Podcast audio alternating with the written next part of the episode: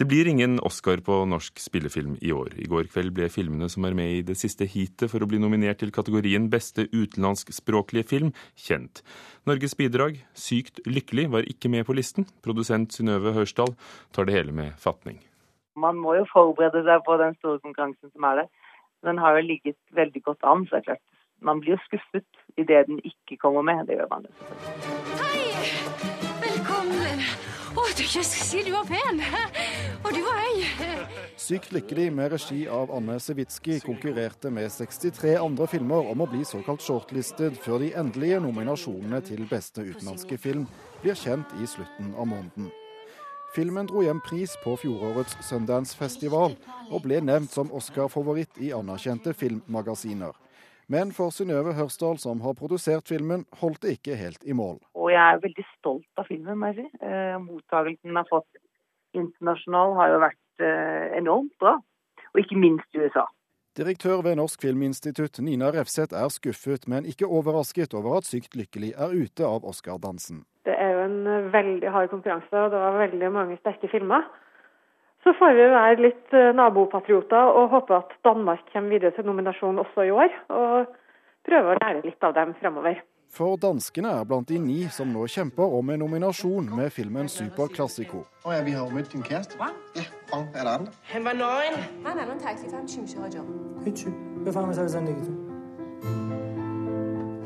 Iran er også med på oppløpssiden med filmen Et brudd. Tysklands store dansefilm Pina er med videre, i tillegg til Belgia, Canada, Israel, Marokko, Polen og Taiwan. Men alt håp er ikke ute for en norsk Oscar. Du må hjelpe! Halvard Witzøes eksamensfilm fra filmskolen på Lillehammer, 'Tuba Atlantic', er nemlig med i innspurten i kategorien beste utenlandske kortfilm. Nina Refseth har stor tro på filmen. Feite feiging. Jeg er egentlig ganske optimistisk på den. Det er en morsom film. Vi har fått veldig positive tilbakemeldinger. Og jeg må jo si at det er jo direkte oppsiktsvekkende, for dette, den vant student-Oscaren og kvalifiserte derfor til å konkurrere. Konkurrerte da og er shortlista blant de ti beste kortfilmene i verden. Og nå blir det veldig spennende nå i slutten av januar å se om vi skal greie å få en nominasjon der. Det hadde vært veldig gøy. Nina Refseth ved Filminstituttet til vår reporter Thomas Alverstein Ove. Et dansk teater skal dramatisere Anders Behring Breiviks såkalte manifest. Det opprører de pårørende etter 22.07-tragedien. Dramatiker og kunstnerisk leder ved Kaféteatret i København, Christian Lollicke, vil la en skuespiller spille terroristen og fremføre manifestet i en monolog. Oppsetningen skal etter planen skje i sommer og får premiere 23.8. For meg er det en demokratisk forpliktelse å undersøke hvorfor og hvordan den muslimfiendtlige ekstremismen kan gripe om seg. Det sier den respekterte danske regissøren Christian Lollicke til Klassekampen om hvorfor han ønsker å dramatisere Anders Behring Breiviks såkalte manifest. Monologen Manifest 2083 får etter planen premiere på Kaféteatret i København i slutten av august. De pårørende reagerer nå sterkt på teaterplanene. Til Bergens Tidende sier leder Ragnar Eikeland for støttegruppen for berørte etter 22.07 i Hordaland at dette er så støtende at han egentlig ikke har ord. Det blir en ekstra belastning for oss å vite at dette blir fremført av skuespillere mens rettssaken pågår, sier Eikeland, som nå vil undersøke mulighetene for å få stoppet stykket. Også det norske teatermiljøet tar avstand fra dramatiseringen. Ved å skape enda mer oppmerksomhet om manifestet opptrer man som nyttige idioter som danser etter Breiviks pipe, sier teatersjef Erik Ulfsby på Det Norske Teatret i Oslo. Sa reporter Gjermund Jappé. Fotofirmaet Kodak er konkurs. Firmaet var pioner og gjorde fotografi til allemannseie. Og nå er altså Isman Kodak eh, innlevert en konkursbegjæring, og denne meldingen kom akkurat nå. Donald Duck kan ha nådd bunnen. Salget av tegneseriebladet i Norge har falt jevn og trutt siden 1986, men nå er det flatet ut, skriver Dagens Næringsliv. Vi er mer optimistiske på mange år på Donald Ducks vegne, sier magasinsjefen i Egmont, Anders Krokfoss, til avisen. Og fra amerikansk kultur til Stavanger. Det var en finansmann som var så misfornøyd med utstillingene på Stavanger museum at han gir tre millioner kroner i gave for å heve nivået. Tor Dagfinn Veen heter han. Gaven betyr at museets utstillingsbudsjett mer enn dobles på de neste tre årene. Veen mener eh, norsk kulturliv bruker for mye penger på bygninger og altfor lite på innhold. Peter har vist meg eh, deler av bilder av bildene, for å si det sånn, før. Men dette er første gang jeg ser de i real life, da. så jeg synes det var spennende. Tor Dagfinn Veen står i hovedsalen i Stavanger kunstmuseum. Nye lettvegger er satt opp for å få plass til samtidskunst fra Europa, USA og Sør-Afrika. En utstilling betalt av finansmannen som var med på å grunnlegge Skagen-fondene, og som bladet Kapital har rangert på 66.-plass over Norges rikeste. Så Utfordringen vi ga var at eh, vi betaler de 1 million kroner ganger tre år. Og så skal de løfte oss opp et nytt, spennende internasjonalt kunstnivå. Altså én utstilling per år. Og du stiller ingen betingelser, altså? Nei, nei, nei. nei, nei. Det er mer enn dobling av budsjettet. Så det betyr vanvittig mye. Sier Peter Meyer. Direktøren på Stavanger kunstmuseum har fått kjeft av byens kunstkritikere for å skape for få egne utstillinger, og overlate visningsrommet til Statoil og private samlere. Nå svarer han med en utstilling av 45 malerier. De er alle laget etter årtusenskiftet og de har alle både abstrakte og figurative elementer. Altså, det, vi har faktisk et vesentlig bidrag til kunsthistorien. Jeg vil tro at det er en av de mest markante utstillinger i Norge i, i år. Fordi det er den første utstilling som virkelig overveier opplevelsen av samtidighet på en annen måte. Her er en rekke kunstnere som egentlig for å utvikle nye bilder går tilbake i historien. Eh, jeg liker bilder. Jeg kaller dem litt trøkke. Jeg liker sånn som det er. Hva er det med det? Ja, Den første reaksjonen er all verden han tenkte på. Kaspar Bonnéns prangende verk fenger kunstsamleren Tor Dagfinn Ween, som også har investert i lokal film og studentopera. Han mener det settes av for lite penger til drift i norsk kulturliv. Det er et uh, hovedproblem synes jeg, i Norge, og det er nasjonalt. At vi er flinke å bygge hus. Og så er vi ikke flinke til å, å, drive husene og putte kvalitet i husene. Hvor viktig del syns du det er av et museum sin virksomhet å drive med sånn skiftende utstillinger? Det er veldig viktig. For når du har sett en utstilling, så har du sett det. Du går ikke inn i en om igjen om igjen. De færreste av oss i alle fall gjør det. Vi har bygget hele museet om i den storsalen, så det er kommet en ny iscenesettelse som minner litt om en labyrint. Det er jo for at folk er vant med å komme på Stavanger kunstmuseum, for noen nye opplevelser. Petter Meyer har normalt 800 000 kroner i året å lage utstillinger for. Andelen av driftsmidlene som går til utstillinger ved de norske kunstmuseene er lav også i de andre byene, og gaver er slett ikke daglig kost. Én million kroner ekstra i året betyr derfor mye, og kunstkritiker Trond Borgen håper på et løft for museet i Stavanger. Til alle tider har kunsten gjort seg nytte av kunstmuseene. Jeg synes at kunstmuseene har sin naturlige plass. Samtidig så er det òg et eh, signal til de bevilgende myndigheter som setter de i skammekroken man skal jo ikke sponse slik at eh, bevilgende myndigheter eh, kan springe fra sitt ansvar. Men det er også slik at det kan ikke bare være det offentlige sak å fremme kunsten. Der må alle gode krefter eh, til. Der er ingen baktanke med det. Er det ikke det de pleier å si, det er en gave til byen? ja.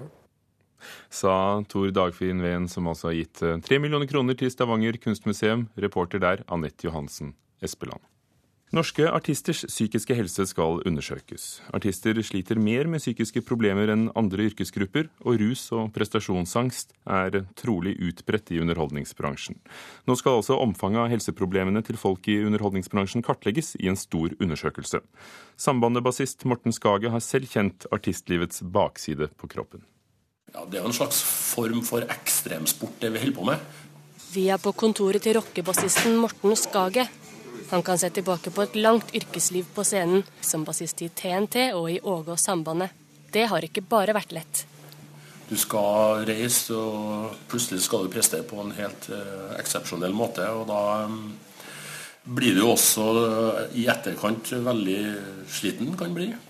Norske artisters psykiske og fysiske helse skal nå under lupen i en landsomfattende undersøkelse.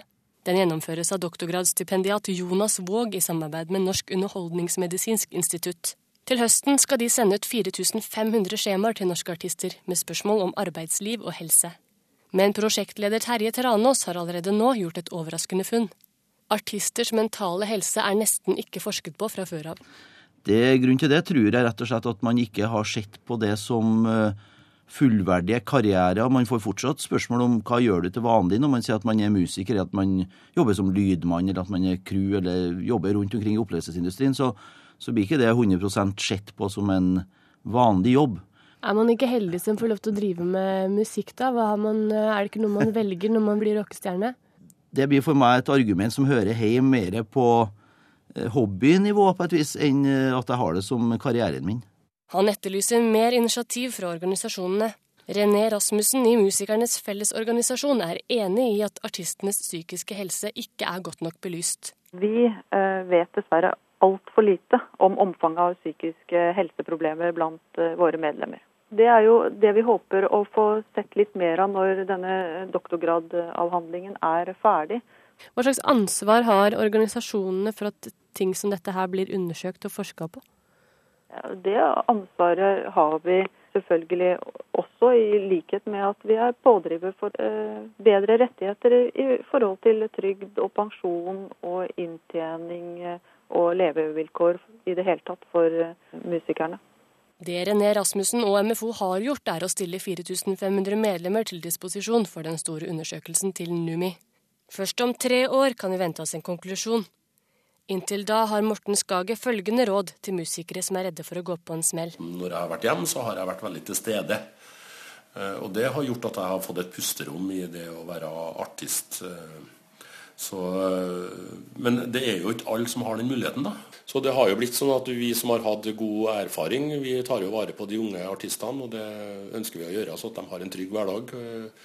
Og forberede dem på både bransjen og holdninger og generelt hva de skal møte. Vi sier jo til hverandre at vi, vi har jo store ører, så vi lytter. Og vi lytter til Morten Skagen, bassisten, og reporter var Ina Strøm. J. Edgar har kinopremiere i Norge i morgen. og Det er Clint Eastwoods film om J. Edgar Hoover, der Leonardo DiCaprio spiller FBI-sjefen som ynkelig og farlig beregnende. Vår anmelder Einar Gullvåg Staalesen tror den vil være særlig interessant for psykiatere og andre som vurderer fanatisme og tilregnelighet. You know what the problem is, Miss Gandhi? These men, they don't, they don't look up to me. Of course they do. I don't mean figuratively. I mean they don't Look up to me. Ifølge regissøren Clint Eastwoods analyse slet verdens mektigste politimann med dårlig utviklede sjelsevner, abnorm morsbinding og undertrykket seksualitet. Det gjorde ham utilregnelig. Mor ville heller ha en død sønn enn en homoseksuell. Hun ville arrangere ekteskap for ham. And I thank God every day that my own sons don't suffer from his condition. I'd rather have a dead son than a daffodil for a son. Ja, mor. Filmen J. Edgar bør være interessant seminarstoff for psykiatere som beskjeftiger seg med tilregnelighet. Filmfortellingen kan leses og ses som epikrise med åpen diagnose. Leonardo DiCaprio portretterer ham uten villskap. Han ter seg dannet i åpne sammenhenger. Det gjør fanatismen hans mer skremmende. I DiCaprios portrett er han ynkelig. Det gjelder altså mannen som var i ledelsen av FBI gjennom 48 år og allmektig direktør i om lag 40 av dem. Presidenter og justisministre fryktet ham og hans uformelle arkiv. By 1930, the communist threat had been beaten back. But the Depression had hit, and there was a new threat. Han reddet USA fra kommunismen, gjentok han selv. Når de angivelige kommunistene var nedkjempet og skjøvet ut i mørket, fortsatte han å velge ut ofre som skulle overvåkes og kompromitteres. Eastwood formidler i saklige former. Vi er tilbøyelige til å tro på det utrolige som skjer. Eastwood støttes jo av mange kilder. Men ett av regissørens grep svekker autentisiteten for oss. Han lar DiCaprio spille Hoover i alle aldre. Aldersforskjellen i ett og samme ansikt er bortimot 50 år fra noen scener til andre. Det samme gjelder de nærmeste rundt Hoover. Mor, hans lojale sekretær, hans kjære og nære nestleder både jobb og fritid, Clyde Tolson. De blir eldre med ham, man sminker på dem noen tiår. Den kosmetiske aldringen er fascinerende å se, men Den skaper distanse. Det legges et lag av kitt og farge mellom skuespilleren og oss. Vi sitter der og undres over hvorfor vi er mer imponert av filmingen enn berørt av historien. Vi er lite berørt, også i nære samvær med mor. Mor er forresten glimrende, Judy Dench. Mørkets opplevelser klokken 15.30 i ettermiddag i P2 anmelder Reinar Gullvåg Staalesen også Varg Veum, De døde har det godt, som faktisk er en god film, etter hans mening. Forfatter Levi Henriksen vil satse mer på teater og film, og i kveld blir for første gang en novelle av forfatteren, som har fått mye god kritikk, satt opp som teaterstykke av Teatret Glåmdal i Kongsvinger. Levi Henriksen har ikke tort å se noen av prøvene. De holder jo på med prøvene nå, men jeg vil bare komme og liksom se det når det virkelig gjelder, liksom. Stykket 'Vinteropplag' er basert på Levi Henriksens novelle. Dramatisert av Toril Solvang og Jonas Delrud. På radioen spiller de 'Glade jul'. Ludmilla slipper ikke hånda mi før vi begynner på desserten, så jeg, så jeg er nødt til å ete med høyre. I stykket møter vi taperen Fred, som har som jobb å passe på campingvognene som Carlsen har i vinteropplag. Og spytter hele munnfullen ned i bollen. Plutselig kommer ei russisk dame på døra som Carlsen har hatt kontakt med, og det blir forviklinger. De får se en uh, skakk kjærlighetshistorie mellom, uh, mellom to mennesker som aldri har møtt hverandre før. Ja, du driver og hogger ved seg, ja? Ja, må jo det. Ja, Det er for kaldt på damdagen òg. Ja, begynner å bli kjølig Ja, du vet, Kala skal På scenen møter vi. Jonas Delerud som hovedpersonen Fred. Det har vært en drøm for meg i ja, to-tre år nå å få Levi Henriksens tekster opp på scenen. Det er noe med det universet til Levi Henriksen som er, eh, er helt fantastisk å dykke inn i. Noe av det beste du kan spille. altså Det er så tydelige, tydelige karakterer. Filmen 'Hjem til jul', basert på Levi Henriksens Bare mjuke pakker, ble sett av 80 000 på kino og topper DVD-lista. Nå kan det bli mer både film og teater av Levi Henriksens fortelling. Det er interesse for øh, både tanke på kanskje en TV-serie, kanskje en ny film. Og jeg kjenner også noen folk innen, teaterverdenen som har sagt seg interessert i, i, i kanskje å gjøre noe, men, men det er kanskje med to streker under. Etter ti år som forfatter har Levi Henriksen lyst til å skrive for både film og teater. Jeg kunne så absolutt tenkt meg å skrive et teaterstykke eh, eller et filmmanus. eh. Jeg har veldig lyst til å, prøve det en gang, og føler at teater er veldig spennende greier. Først er det teaterpremiere i kveld i Rådhusteatret i Kongsvinger. Og deretter legger Teater i Glåmdal ut på turné rundt i Hedmark. Og etterpå håper produsent Øyvind Ros flere vil satse på å vise stykket for hele Norge. Da er det jo håp at vi kan dele denne historien, ja, ikke bare med hele landet, men hele verden. Levi er jo oversatt til så mange språk nå, så han eh, senest tyrkisk hørte jeg. Så vi reiser gjerne på, på turné til Tyrkia. Det, er veldig mye å, å, å- å være spent på, men jeg innerst inne en slags grunnleggende følelse av at dette her kommer til å gå veldig, veldig bra. Kjærligheten dukker opp bak neste sving, vet du, min venn. Men jeg kan aldri vært seg uten den fiskevaskefatet heller. Ja, nei, ha det! Ha det, ja. Fra stykket 'Vinteropplag', altså skrevet av Levi Henriksen, reporter Stein S. Eide. Allerede før filmfestivalen i Tromsø åpnet denne uken, ble det snakket om eh, dukkefilmen 'Orfeus' og filmskaperen Thomas Sivertsen Balmbra fra Bodø. Og nå blir det ikke mindre snakk. Like før premieren på filmen ble han tildelt Nordnorsk Filmsenters pris Skårungen.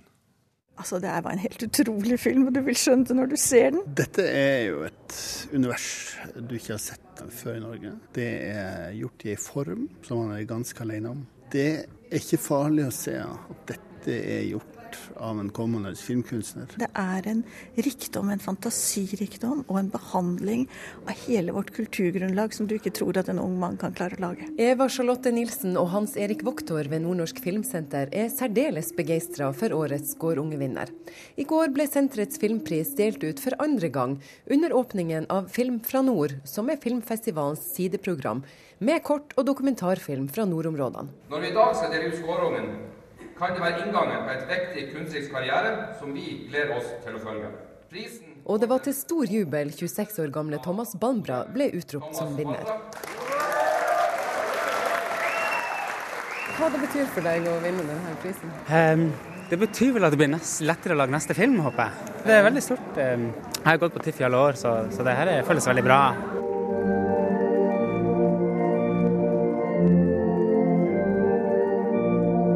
Thomas har laga en animert dukkefilm basert på den greske myten om Orfeus og Eurydike. Orfeus var kunstneren som spilte så vakkert at alle ble helt bergtatt. Men så dør hans kjære Eurydyke på bryllupsdagen. Så bestemmer han seg for å reise til underverden for å hente henne tilbake. Når han da endelig møter Hades, som er eh, underverdens hersker, så, så, spiller han for Hades. Og Hades sier eh, OK, du kan få henne tilbake, men du må ikke snu deg rundt og se på før dere har forlatt. Etter en lang, lang reise så snur han seg selvfølgelig akkurat for tidlig så at hun dør en gang til. Ja. Og så har jeg adoptert den til ja, litt, litt, uh, litt personlig. Altså, I min, variant så lager han sitt instrument sjøl, så det er kunst, kunstverket hans. da.